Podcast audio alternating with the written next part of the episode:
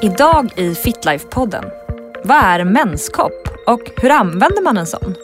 Vilka är fördelarna respektive nackdelarna med menskoppen? Och är det något för alla eller bara för vissa? Och varför har menskoppen blivit så populär just nu? Och vilka andra alternativa mensskydd finns att använda? Allt detta och mycket mer i dagens avsnitt. Jag heter Sofie och nu kör vi!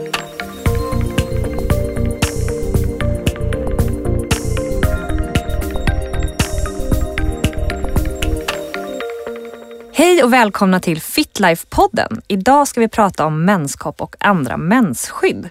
I studion har vi återigen med oss Birgit Lindroth, a.k.a. Gröna barnmorskan. Välkommen. Tack så mycket. Jag är jätteglad för att menskopp har varit ett hjärteämne för mig i hur många år som helst. Ja, vad kul. Du var ju med oss i avsnitt tre som handlade om eh, pessar och fertila sekret. Mm. Men idag ska vi som sagt var prata om menskopp och andra mensskydd. Kort Birgit, berätta, vem är du för de som inte känner dig? Jag heter alltså Birgit Linderoth, är barnmorska och har företaget Gröna barnmorskan. Jag bor i Falun och jag har webbshoppen grönabarnmorskan.se. Om Pessar kan man läsa på pessar.nu och så småningom ska jag få en ny hemsida igen som heter femicycle.se. Berätta, varför är det här ett viktigt ämne att prata om tycker du? Väldigt många kvinnor har ju mens väldigt många dagar i sitt liv och att hantera det kan ju vara bökigt och trassligt. Och menskopp underlättar så oerhört mycket det här vardagen under mensen. Plus att det har ju miljökonsekvenser, ekonomiska konsekvenser och det finns så många fördelar överhuvudtaget. Och det som jag tycker är viktigt att prata om menskopp så är det fortfarande jättemånga som inte vet eller törs prova.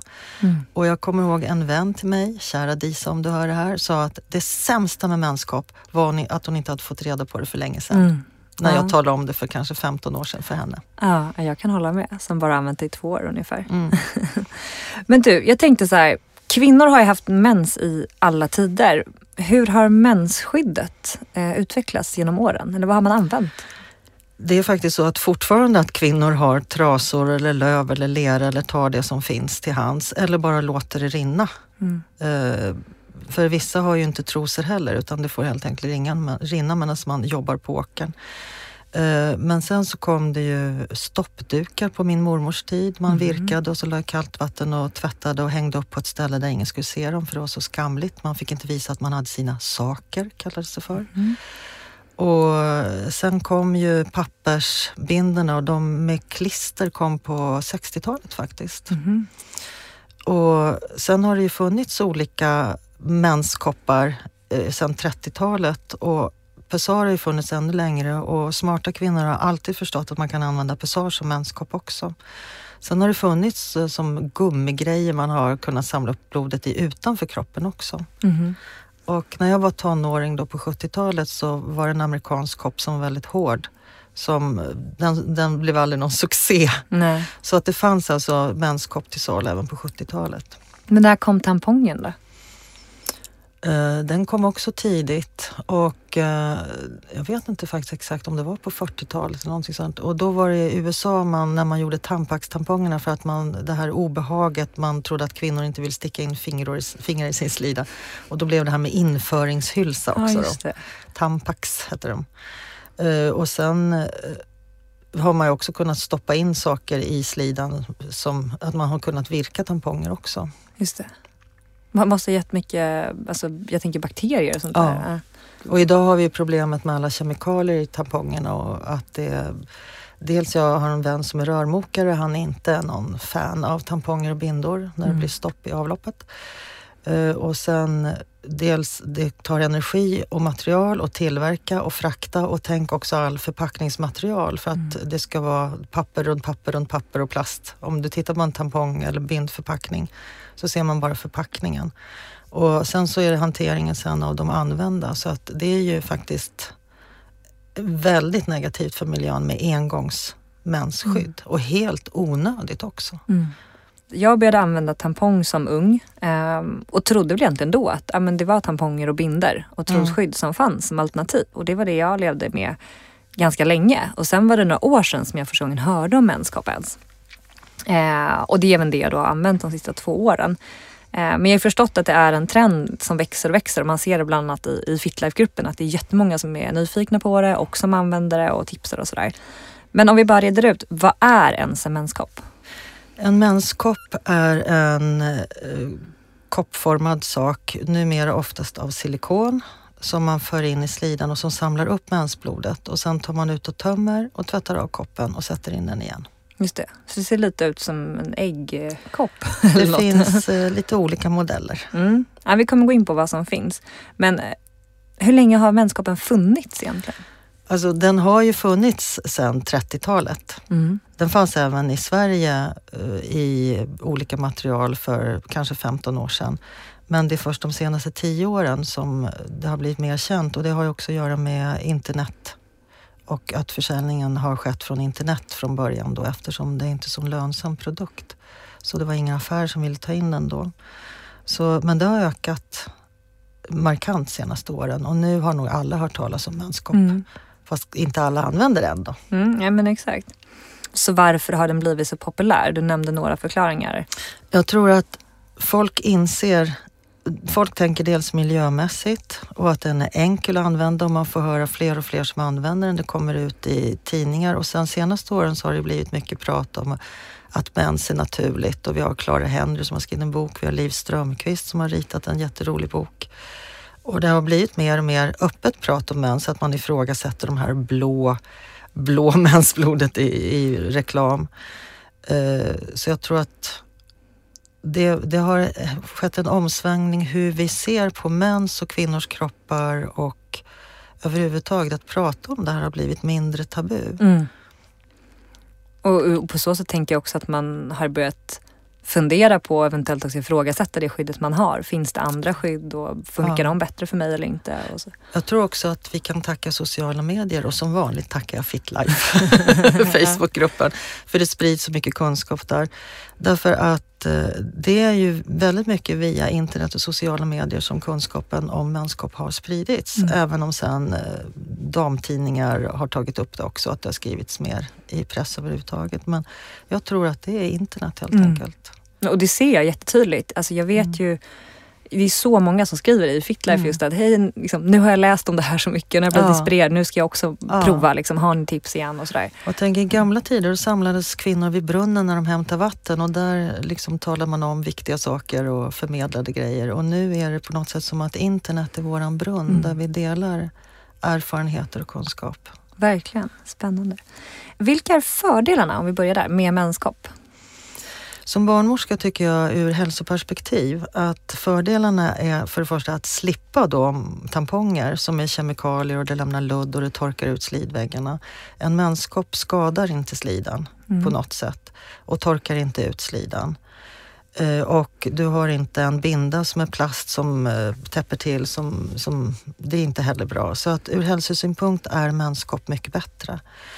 Eh, sen är det ur miljösynpunkt så är menskopp självklart jättebra för du behöver inte speciellt många per, per ditt liv så att säga.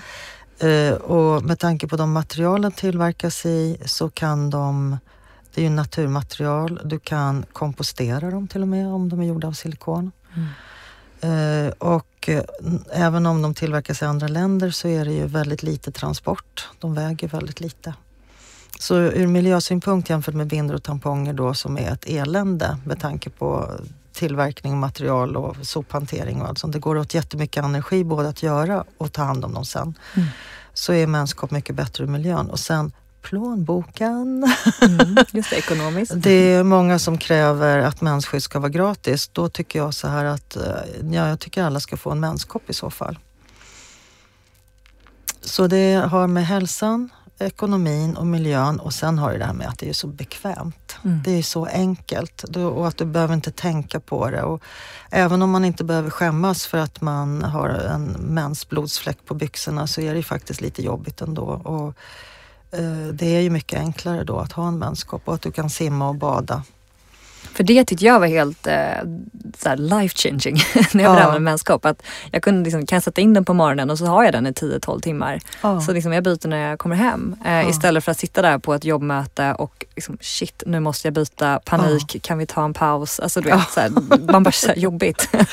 jag tänker på en gång som jag var så glad över min menskopp som egentligen var ett pessar då som jag hade som menskopp. Det var när jag akut hoppade in som krokimodell när den vanliga modellen inte kom så turades jag och en tjej om. Och sen så tänkte jag, då hade jag faktiskt mens och menskoppen insatt. Och så när jag stod där så tänkte jag, gud vad glad jag är att jag inte har ett snöre som hänger mellan benen. För då skulle okay. alla rita dit det. Och då kände jag så här, även om jag inte skulle skämts för det heller, så kändes det bara fånigt. Så då tänkte jag, åh vad bra.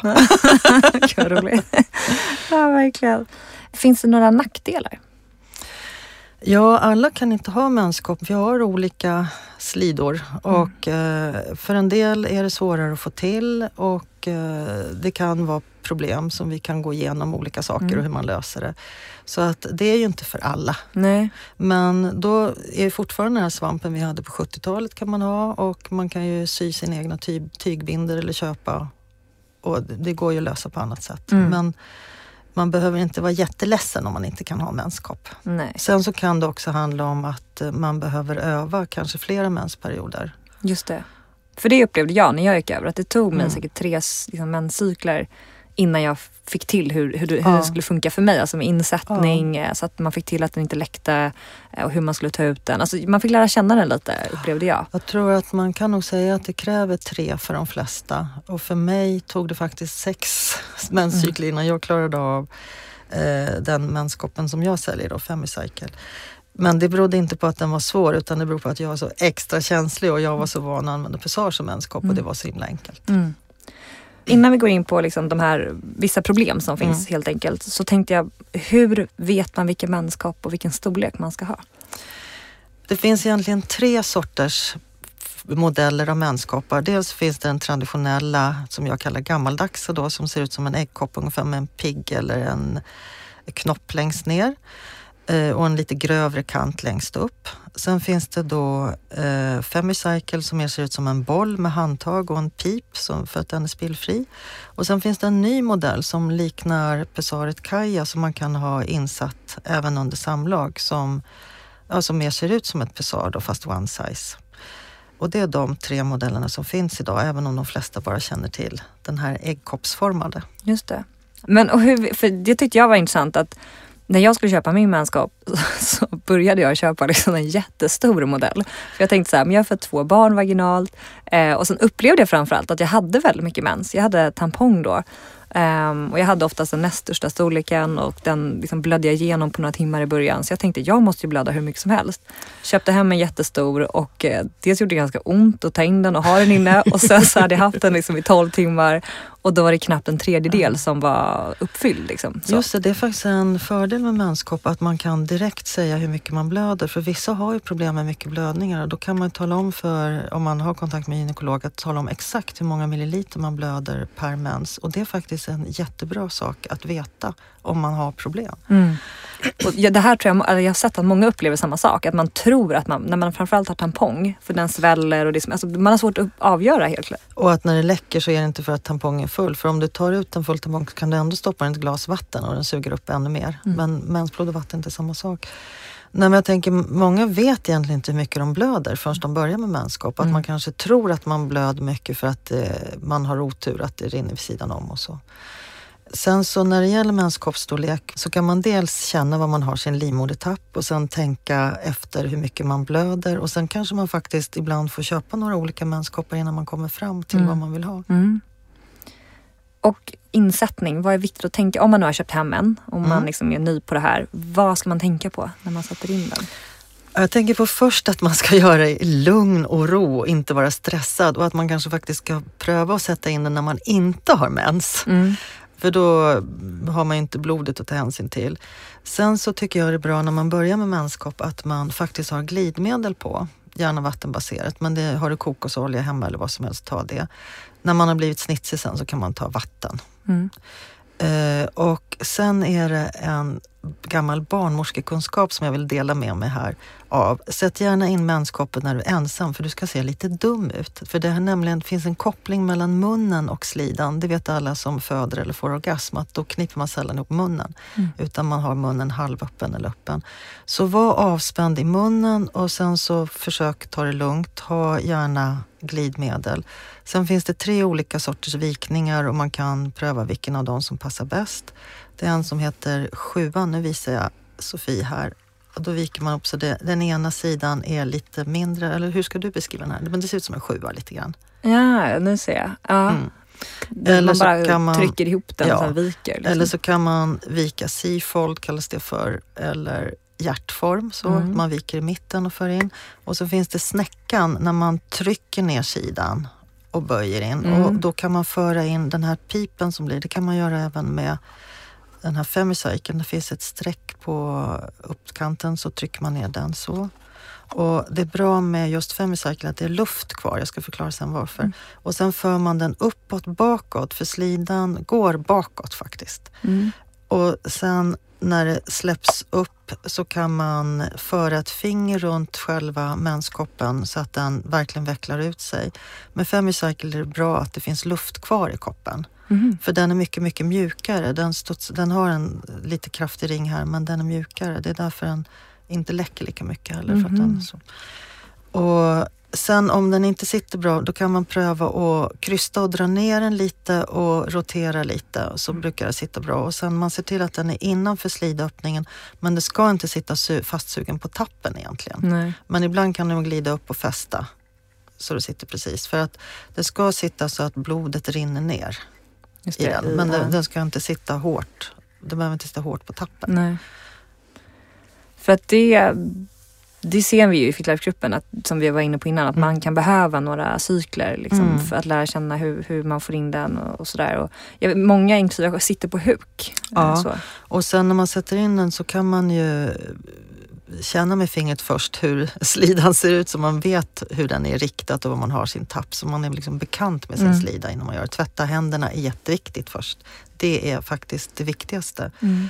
Uh, och sen så innan man börjar med en menskopp så det är ju fabriks... Så då tvättar man av den med mild tvål och sköljer ordentligt med vatten och så kan man koka den en kort stund. Mm. Just det, så man kokar den in och det gör man ju sen också väl? Eh, ja, man, man kan gång. koka den per, en gång per period ungefär. Exakt, så första gången. Mm. Sen kan man bara skölja av den med vatten. Ja, och under själva mensperioden så sköljer man. Och det tänkte jag att vi skulle ta upp sen hur man gör ren den. Mm, ja men exakt. Men det tror jag är viktigt, att man kanske liksom kokar den, tvättar den första gången man sätter in ja, den och sen precis. under den mensperioden så mm. räcker det med att man bara häller ut blodet händerna. och vatten. Och sen, och sen att man tar glidmedel, man kan ta både på koppen och på slidmynningen i början då. Okay. Men för det tyckte jag var intressant, att jag kunde tycka att den läckte lite eh, om jag hade vatten på den, att den hoppade runt lite så. Mm. Men att om jag hade sköljde av den men sen att den var torr så satt den bättre. Okay. Eh, så att, ja. Sen kan man ju i början ha en, en trosskydd eller tygbinda eller någonting så att man i, i början Exakt. Det är man... faktiskt ganska bra det så att man inte ger upp direkt. Nej, som en prövotid, exakt. Mm. Um, det vi ser också är att vissa upplever just det här läckaget. Um, är det att den sitter fel då eller? Läckage kan egentligen bo på tre olika orsaker och den, det otroligaste är att menskoppen är full. Ah. För det blir den nästan aldrig. Mm. Uh, och den andra är att den sitter fel. Och det tredje är att den faktiskt inte är tillräckligt utvecklad och det är det vanliga. Mm. Och uh, då gäller det att få den utvecklad. Man kan sticka in ett finger då och försöka se till, föra runt och få den utvecklad eller greja liksom med mm. den. Man kan vicka på den lite grann så, så den liksom kommer ut. Och med Femicycle och den här bollformade så är det viktigt att när man sätter in den att det verkligen är luft kvar för att det finns ingen luft i slidan. Mm. Även om man kan tro så ibland. Mm. Och då kan man föra in ett finger vid sidan så man för in lite luft i slidan om det behövs. Mm. Och Femisarker ska inte vara helt ihopvikt, den ska vara, det ska vara luft i den. Om den är för hopkrupen, nu visar jag bollformade, då kan det läcka vid sidan om. Mm. Men är den nästan ute, då, den här bollformade trycker inte ut med kanten, den hårda kanten upp till utan med den mjuka kanten. Det är därför Femisarker känns mindre. Mm. För det här mjuka silikonet trycker ut slidväggarna och då blir det tätt. Just det. De som börjar med menskopp, då är faktiskt Femicycle en bra kopp att börja med. Eh, Men har man redan en annan kopp som funkar bra så fortsätter man med den. Men har man problem med en gammaldags menskopp Mm. så är det jättebra att gå över till Femicycle innan man ger upp. Mm. För då funkar den oftast bättre. Mm. Likaså om man har svårt att ta ut så är ett handtag på Femicycle Just så mycket lättare.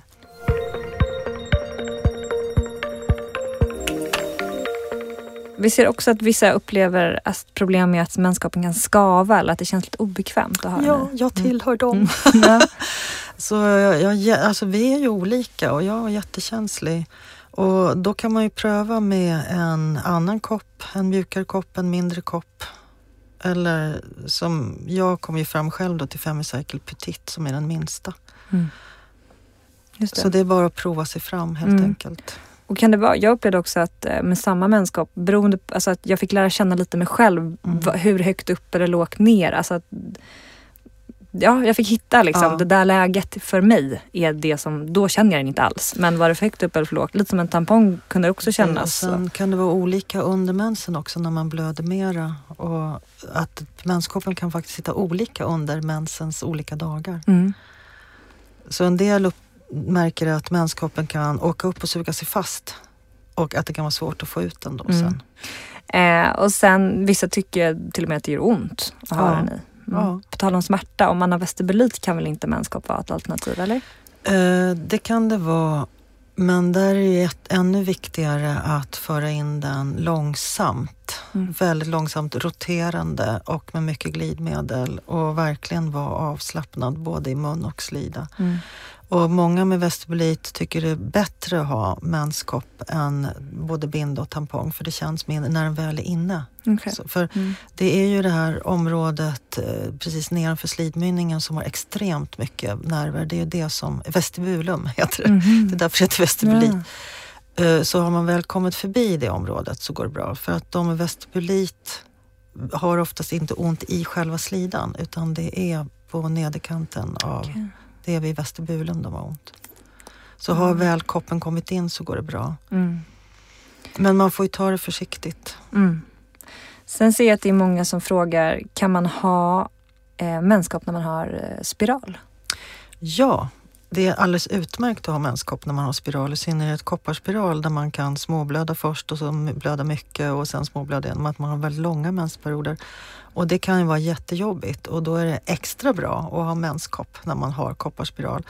Men det finns några få som har dragit ut spiralen, eh, förmodligen fler som har dragit ut den med tampong. Och det är för att man får tag i trådarna och drar ut den. En del tror ju att det är eh, menskoppen, suget på något sätt som drar ut spiralen. Men det är faktiskt när trådarna hänger ner i koppen och man inte tar i piggen eller handtaget. Om man eh, klämmer åt koppen så får man tag i trådarna eller om de har hamnat utanför och man får tag på dem. Och då drar man ut spiralen och det känns ju ingenting när man drar ut spiralen så ibland Inte. märker man det. Mm. Att sätta in en spiral kan kännas ganska mycket för en del men att dra ut den känns ingenting. Okej. Och, så en del märker inte ens att de har dragit ut den. Men det är väldigt ovanligt och är man observant och inte klämmer tag om koppen och efter varje mensperiod ska man, oavsett om man har menskopp eller inte, kolla att trådarna är kvar. Mm. Så det ingår i kopparspiralhanteringen. Att Okej, man efter varje mens kolla att Okej. är, trå, är trådarna där och att de är lika långa som de var förut ungefär. Okej. Och det gör man bara själv eller går man till någon? Nej, Nej. man tar sitt eget finger och Ja, sticker upp i sig Ja. sin egen. Eh, sen har jag sett att vissa upplever ett problem med att det luktar när man har menskopp efter Mm. ett visst antal timmar. En del har ju bakteriell vaginos och då, då luktar verkligen menskoppen eller för den del pessaret skunk. Men om vi går på rengöringen då, att när man har tagit ut en menskopp så tömmer man den. Var tömmer man den? Och nu tänkte jag ju visa Femicycle som har, är spillfri så man petar ut en liten pip när man tömmer den. Och då tycker jag att man ska tömma den i blomvattenkannan för jag tycker så mycket om kryckväxter och eh, tycker det är bra med närodlad biologisk näring som ju är i mensblod. Och då spädde man ut det i vatten. Det är bara en grej man ska komma ihåg. När man har släktmiddag och alla säger vad fina krukväxter du har, då ska man inte förklara varför. Secret. så det är väldigt bra att när man tar ut koppen, ta, ha blomvattenkannan på toaletten då, så töm det där. Sen tvätta den först i kallt vatten. Sen är det faktiskt viktigt med den mekaniska rengöringen och det är egentligen viktigare än vilken tvål man har, men det är bra med en mild oparfumerad tvål. Eh, och om du har så menskoppar med de här hålen i så är det väldigt viktigt att rengöra dem. Och en del säger att man kan ha så här mellanrumsborstar. Och gud, jag skulle aldrig orka stå och tvätta de här hålen. För de som inte vet, vad är det för ja, hål? Det är, I de här gammaldags menskopparna så är det några hål längst upp. Mm. Eh, men då kan man hälla vatten i koppen och sen sätter man handen ovanför, så här, nu visar jag så vi, och så vänder man på alltihop och sen trycker man ut vatten så kommer det ut genom hålen. Och nu se om det, det hörs. det blir eftersom du har handflatan som ja. sätter stopp så måste det gå ut genom hålen. Precis, och det är ett sätt. Men att man ska vara noga så att det inte är några slemhinnerester, det är livmoderslemhinnan som kommer ut, så, kommer ut. För även om man kokar och det ligger kvar någon bit så, här, så kan det växa bakterier i den. Mm. Även om koppen är ren i de här hålen. Mm. Okay. Eh, med Femicycle har man ju inga hål så där har man inte det problemet. Men det är viktigt att göra ren den också och ta ut pipen och skölja ordentligt. Mm. Så den mekaniska rengöringen är viktigt. Och att man börjar med kallt vatten. Mm. Men alltså, varför, kan, om man har bakteriell vaginos, kan det lukta? Ja, om den luktar illa så kan man tvätta den ren och sen låta den stå så, på något ställe så kan lukten försvinna efter ett tag. Men annars kan man pröva att lägga den i ättika eller i vinäger eller väteperoxid eller eh, som inte är jättebra miljövänligt men ändå är det som funkar allra bäst och det är ju 10 i klorin som man lägger koppen en halvtimme och sen sköljer man jätte, jätte, jätte, jätte, jätte noga. Okay. Eh, och då försvinner både missfärgningar och lukt. Okay. Så det, det finns inga studier på det här men man vet att det funkar. Mm. Och sen har man bakteriell vaginos så får man ju ta tag i det om det återkommer. Men för mig är det märkligt för att jag kan ha den inne och har jag den 10 timmar luktar det ingenting. Men liksom 11-12 timmar, då kan det komma en lukt. Så jag vet inte vad det kan vara. Alltså det låter jätteintressant ja. tycker jag. Så jag skulle vilja höra mer om. Ja. Men om, det, kan ju, det kan ju vara ett tips att då ta ut den lite tidigare. Mm. Om det, för det är inte så svårt att ta ut lite tidigare. Det, det funkar ju att ha en menskopp 10 timmar också. Exakt. Um, Vissa pratar om att, att det kanske är obehagligt med liksom det här suget som när man ska sätta in lukten. När vi pratar om lukter så finns det inget som luktar värre än en kvarglömd tampong. Mm. Mm. Och då vet jag en gynekolog jag känner som man säger, man märker direkt om det sitter någon i väntrummet med en kvarglömd tampong för det luktar i hela väntrummet. Det? Och det är en fördel med menskopp också. Man kan ju glömma menskopp i eftersom den inte känns mm. i, när det är optimalt. Då. Men en tampong, det är där det växer bakterier och där kan det bli en fruktansvärd lukt. Mm. I synnerhet om man eh, har tampong och glömt haft samlag så de hamnar bakom livmodertappen och tråden har gått in och så glömmer man den och så luk det luktar lik. Mm. Så glöm inte kvar någonting i slidan. Nej. Eh, men det här suget som folk kan uppleva, alltså, det är säkert inte ett vakuumsug men det blir något Nej, baksug. Det blir ett undersug. Det är om den glider upp och hamnar på tappen. Den här bollformade Femicycle ska inte göra det, den ska sitta nedanför. Men den kan också i, i få fall glida upp och då gör man samma sak i bägge fall. Man, innan man drar ut den så ser man till att släppa det här suget och det gör man genom att trycka och vicka fram och tillbaks mm. innan man tar alltså ut man tar upp ett finger och försöker liksom ta, lirka emellan lite? Eh, ja, man tar upp två fingrar mm. och försöker trycka. För är det luft i koppen då så trycker man ju upp det. Mm. Och även om, om det är blod så kan man liksom trycka bort suget. Mm. Fast då kan det bli, med den här gam, gamla koppen så kan det bli lite blodigare då, men det får man ju ta. Och man kan också ta ett finger och försöka lirka loss suget. Just det, exakt. Eh, att man tar in ett finger innanför kanten så här, och, mm. och tar bort suget först. Mm. Finns det några andra problem som du har stött på med menskopp som folk upplever? Nej, jag kan faktiskt inte komma på några mer problem än att man har, har lite svårt med insättningen i början och att det kan ta ett tag att lära sig ta ut och att få den rätt och det här läckaget och lukten och för en del smärta då, då får man ju se till att byta mm. kopp eller hitta sig fram. Jag upplevde en enorm frihet när jag började med menskopp. Alltså på alla sätt. Alltså mm. Det som här följaren pratade om. Att man, det är bekvämt, den läcker inte, man är inte orolig. Man har den alltid. Mm. Eh, man behöver inte köpa nytt. Eh, man kan ha den väldigt länge. Alltså oh. det, jag tycker det är jag tycker att det var väldigt värt det att lägga de här tre menscyklerna på att lära mig hur min kropp fungerade och hur jag skulle sätta in den. Jag har ju haft mens sen jag var ungefär 9-10 år väldigt tidigt. Jag har haft mens tills jag var ungefär 60 vilket är en extremt lång period. Då. Och jag har ju haft väldigt lite tamponger och bindor mm, eftersom mm. jag började med pessage och menskopp tidigt. Men de få gånger jag haft tamponger och bindor, jag tycker det har varit jättejobbigt där. Och vad ska man kasta den, när man är hos kompisar? Och man ska inte spola ner och mm. så ska man gå med en blodig tampong till kök. Alltså det blir ju mm. jätte... Mm. Ja, ja, ja. Nej. Du pratar om pessar som menskopp. För de som inte förstår det sambandet, hur kan du Ja, klara? man kan ha pessar som menskopp, men man kan inte ha menskopp som pessar. Nej, exakt. Men hur eh, funkar pessar som menskopp? Pessar är gjord för att ha samlag då. Så om man har sex, man behöver inte ha samlag, men om man vill ha blodfritt sex, oavsett om man har det med sig själv eller med en tjej eller med en penis, så vill man då inte blodfläcka ner så mm. är det jättebra att sätta in ett pessar för att det täcker ju livmodertappen och då samlas ju blodet upp i pessaret och sen kan man ta ut det direkt efter och skölja av det. Då. Just det. Och det kan man ju ha oavsett om man har en annan preventivmetod. Eh, om du har kopparspiral och småblöder så är det jättebra att ha pessar som menskopp. Som, då kan du ha sex och spontant mm. när du har mens.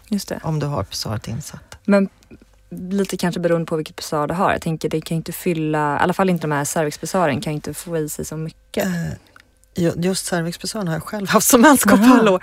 Uh, för Även när det blöder som mest? Ja, ja men då har jag bara tömt det lite oftare. Okay. Mm. Så det är inga problem.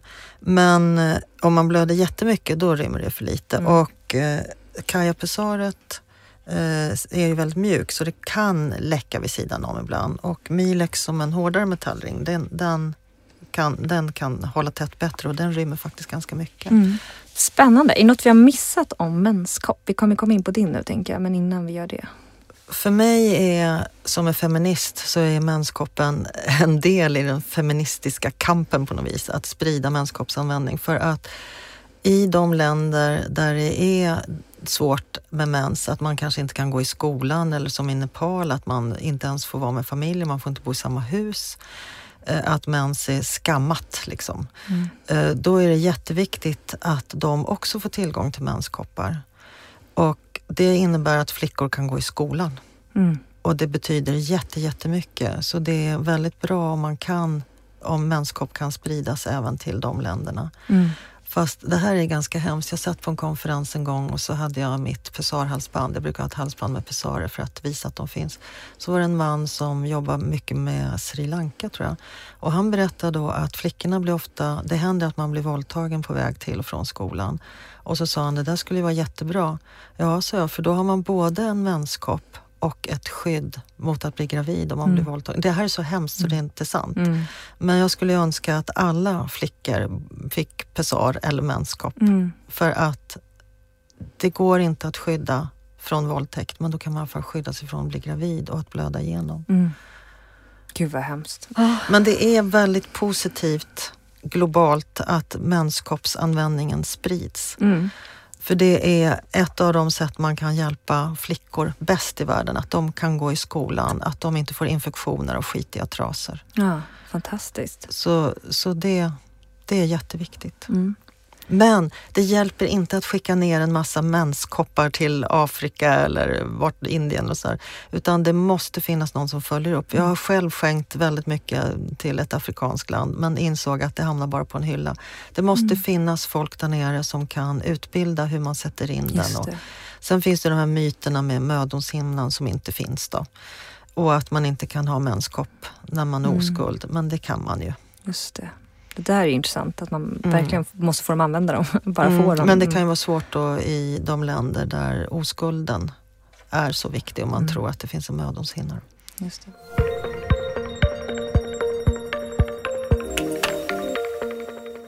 Nu har vi nämnt Femicycle lite grann, men jag skulle vilja berätta mer om det eftersom det är en sån okänd kopp. Men för många år sedan när jag hittade Femcap, ett Cervix Bazaar i Amsterdam, då tog jag direkt kontakt med tillverkaren och frågade kan man ha den som menskopp? Eh, och då sa han nej, fast det har jag kommit fram till att det kan man. Men i instruktionerna står att den inte ska användas bara för att i USA är det så att den är ju då tillverkad för att användas som pessar mm. och då var den inte C-märkt som menskopp. Men då började han fundera på det här med att göra en menskopp och han gjorde det här genialiska cervixpessaret femkapp som jag berättade om förra gången. Han mm. heter Alfred Shihata. Och då gjorde han en helt ny menskopp som inte liknar några andra menskoppar. Som är, det ser ut som en boll och så är det en kant och så är det en pip inne som man kan fälla ut när man ska tömma den. Och så istället för pigg så är det ett mjukt handtag. Och sen, han började då med den normala men så tyckte jag att nej, men den är för stor för mig och då, då gjorde han en som kallas för low cervix för de med lågt sittande livmodertapp. Och den är då eh, eh den är, rymmer lika mycket men den är lite bredare och har ett mindre handtag. Men sen var jag lite gnällig ändå och sen gjorde han Teen, hette den först, en lite mindre då till tonåringar. Så det är liksom 12-åringar som har haft den här. Den ser stor ut men den är inte mm. det när man viker ihop den. Eh, och det är den som har funkat för mig. Så den finns då i tre storlekar och den är gjord av verkligt högkvalitativt medicinsk silikon. Det finns koppar eh, som importeras från Kina. Jag visade Sofie här en som jag köpt väldigt billigt och där jag verkligen ifrågasätter materialet. Men just Fem Cycle är gjord av den absolut högsta kvaliteten och det syns för att den är klar. Jag tänkte säga det, den är den helt genomskinlig om vi jämför de andra. andra ja. Mm. Och, och han tycker också att han vill inte börja färga dem i checka färger för han tycker det ska verkligen, man ska verkligen se om den är ren. Mm. Eh, och därför är det viktigt att den är genomskinlig och den här klarar sig. Den är det, det, absolut bästa materialet. Och sen numera behöver inte menskoppar CE-märkas för bruk i Europa. eh, och det var, för det var en medicinteknisk produkt. Men Femicycle är en en av de absolut få menskoppar som faktiskt har varit CE-märkt. Mm. Och det innebär att det är jättehårda krav och studier på dem. Så att idag finns det ingen menskopp i Sverige som är CE-märkt. Men Femicycle är den enda som har varit det och är fortfarande är likadan så att säga. Ja. Så det är, det är högsta kvaliteten. Och sen den är lite dyrare. Eh, just nu kostar den 390 för att den är dyrare att tillverka. Att de andra kopparna är bara tjopp tjopp, en form och så är det klart. Liksom. Men här måste man sätta fast handtaget och göra den här spillfria pipen. Så det här är high tech. Det här, mm. är, det här är en väldigt speciell menskopp. Och för de som, jag tänker om man inte använt menskopp, förstår den här, varför är den, vad innebär att den är spillfri? När är det bra? Eh, för mig till exempel som har en vit badrumsmatta och ADHD och drog ut allting fort så hände det saker som ökade min tvättmängd. Men när man drar ut en menskopp, det, beror, det spelar ingen roll vad man är, då kommer ibland lite blod vid sidan.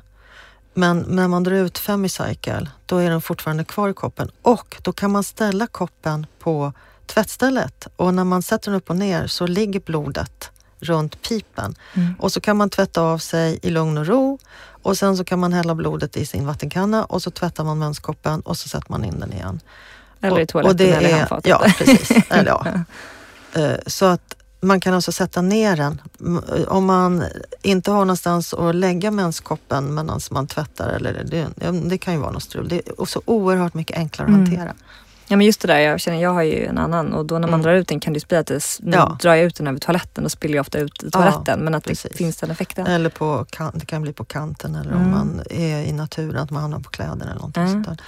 Så att den här spillfria funktionen är faktiskt väldigt viktig. Men sen amerikanskarna kan tycka det är lite äckligt när man stoppar ner fingret och ska ta ut pipen. Mm. För då kanske man får lite mensblod på Just sitt måste finger. Ut den, ja. ja. Mm.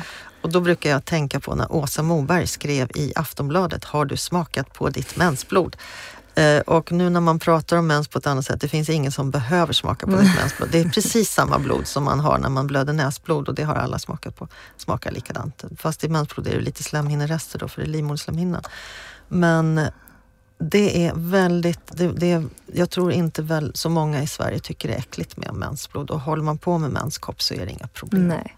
Men jag tänkte fråga, vad upplever du? Jag ser ju lite i Fitlife-gruppen att det är många som har faktiskt provat den där, eller en del, eh, och är Fem väldigt nöjda. Ja. ja. Vad får du höra som feedback när man har provat någon annan och sen går över till den? Eh, jag tycker så här att om man ska börja med en menskopp, då föreslår jag faktiskt att man börjar med Femicycle.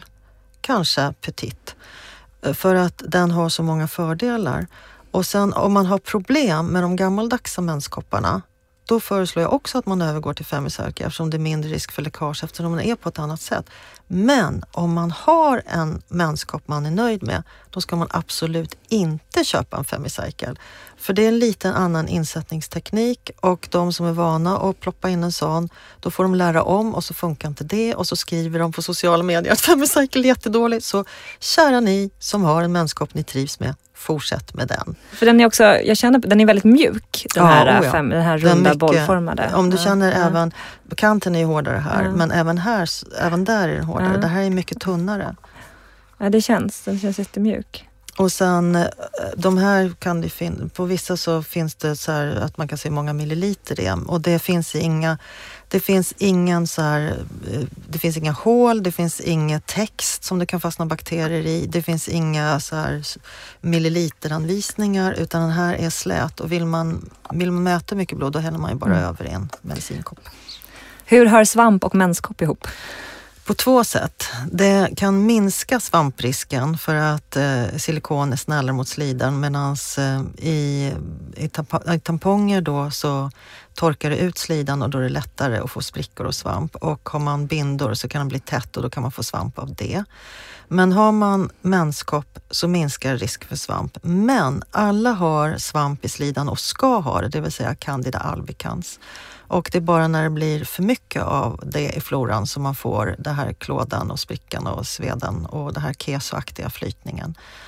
Eh, och då är det så att när man tvättar en menskopp ren så försvinner 99,9 procent av alla bakterier och virus och smuts bara med vanlig tvål och vatten och mekanisk rengöring. Men svamp kan fästa på silikon, det kan fästa på sexleksaker, pessar och menskoppar och överleva kokning och torkning och sen börja växa igen. Så har man haft en rejäl svampinfektion och så tvättar man och kokar sin menskopp och sätter den igen så kan man faktiskt få svamp igen. Och då måste man få bort svampen. Men det var där jag pratade om rengöringen att eh, eh klorin tar bort svamp 10 procent och följer noga. Och så finns det något som heter Virkon som man kan köpa antingen på tabletter på apoteket eller pulver på granngården som man tvättar djurmatskålar med och sånt. Mm. Eh, eller om man prövar med då vinäger och då ska man ta vitvinsvinäger som inte färgar silikonet. Eh, och, och sen eh, låta det torka ordentligt också. Okay. Skölja och torka. Och det är ju inte farligt med svamp men det är ju jobbigt med svamp. Mm, verkligen. Och sen så se till att man, alla de här andra svamptrixen som finns miljoner av, minska socker och mm. bomullstrosor. Och, för jag har sett just att det är många som upplever att man eh, har kanske haft känningar av svamp innan och efter mens när man haft tampong mm. och sen när man har mm. övergått till menskopp så har det försvunnit. Ja. Så. Men sen är det också att eh, jag ser kopplingen mellan pessar och menskopp på ett annat sätt också. Att de som börjar använda menskopp inser att det här att stoppa in en silikonpryl i slidan var ju jättelätt. Jag kan ju faktiskt ha pessar också. Mm. Och de som börjar med pessar och börjar använda det som menskopp känner att ja, men när jag blöder som mest behöver jag en menskopp och då skaffar de menskopp. Mm. Så att det finns en koppling mellan pessar och menskopp på det viset också. Yes. För att avsluta, vad, vad finns det mer för alternativa mensskydd där ute? Alltså jag tänker så här, det finns ju uppenbarligen menskopp. Eh, många känner till tampong och bindor och trosskydd. Mm. Men vad finns det mer? Ja, jag pratar om min gamla kärlek, natursvampen. Fast mm. där får man ju vara noga då och låta den torka mellan gångerna. Det är, jag har den också som akvarellsvamp, inte samma dock. Mm. det, och sen så får man se till att eh, den inte tas från ställen där den håller på att utrotas. Mm. Att det är liksom schysst odlat. Eh, och sen blöter man den och så kan man ta in tandtråd som inte suger åt sig vätska. Och så blöter man, kramar in och sätter in den och så tar man ur och följer av den. Och sen torkar man den och sätter in en annan för annars kan det växa. Okay. Men inte om man tar. Och sen kan man ha den också när man har samlag. Mm. För att den, eh, den tar ju ingen plats, den är mjuk liksom. Mm. Och sen så kan man ju sy sina egna tygbindor. Jag såg att det var en klass som hade gjort en, jag tror en mellanstadieklass som hade sytt tygbindor allihop på slöjden och någon pojke hade gett till sin mamma. Nej, men... Det var så gulligt. eh, som man, det finns massa mönster på internet. Ja, det ser ut, när du visar upp den nu, det ser ut som en vanlig binda fast ja, med tyg. Ja, ja. Det kan man se. Och så kan man lägga in ett eh, skydd, nylon som är vatten vätske, vattentätt liksom, om man vill. Sen så finns det nu menstrosor som är uppsugande. Så man, sen när, man, när de är blodiga då, så tvättar man av dem och torkar dem och sen tar de i tvättmaskinen. Just det. Om man vill komma i kontakt med dig, hur gör man då? Jag har en webbshop som heter grönabarnmorskan.se. Mm. Så det är, väl, det är väl den jag hänvisar till i första hand. Och Ja. är man intresserad av Pessar så har jag en hemsida som heter pessar.nu och är man intresserad av Femicycle så hoppas jag att jag får ordning på min hemsida igen för den har försvunnit just nu. Men det ska jag väl hinna få hoppas jag. Ja. Ja. Så då kan man köpa den på Femicycle på din hemsida, Gröna barnmorskan. Säljs den någon annanstans?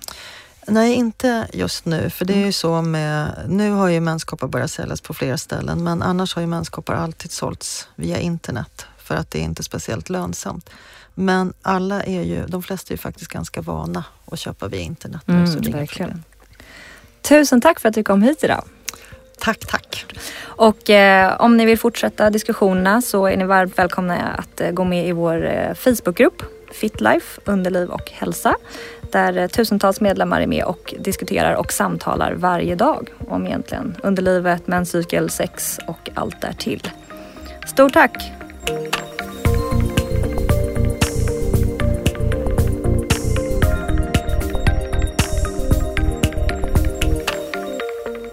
Det här programmet görs på Beppo. Beppo. Beppo. Beppo. Vadå Beppo? Beppo.se